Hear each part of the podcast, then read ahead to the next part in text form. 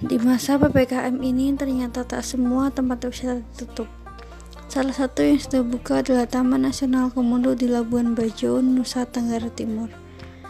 Balai Taman Nasional Komodo sudah membuka kembali kawasan wisata di Gililawa per 1 Agustus 2021.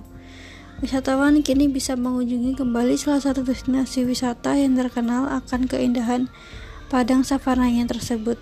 Informasi itu diketahui dari akun Instagram resminya @btn underscore komodo pada 29 Juli 2021.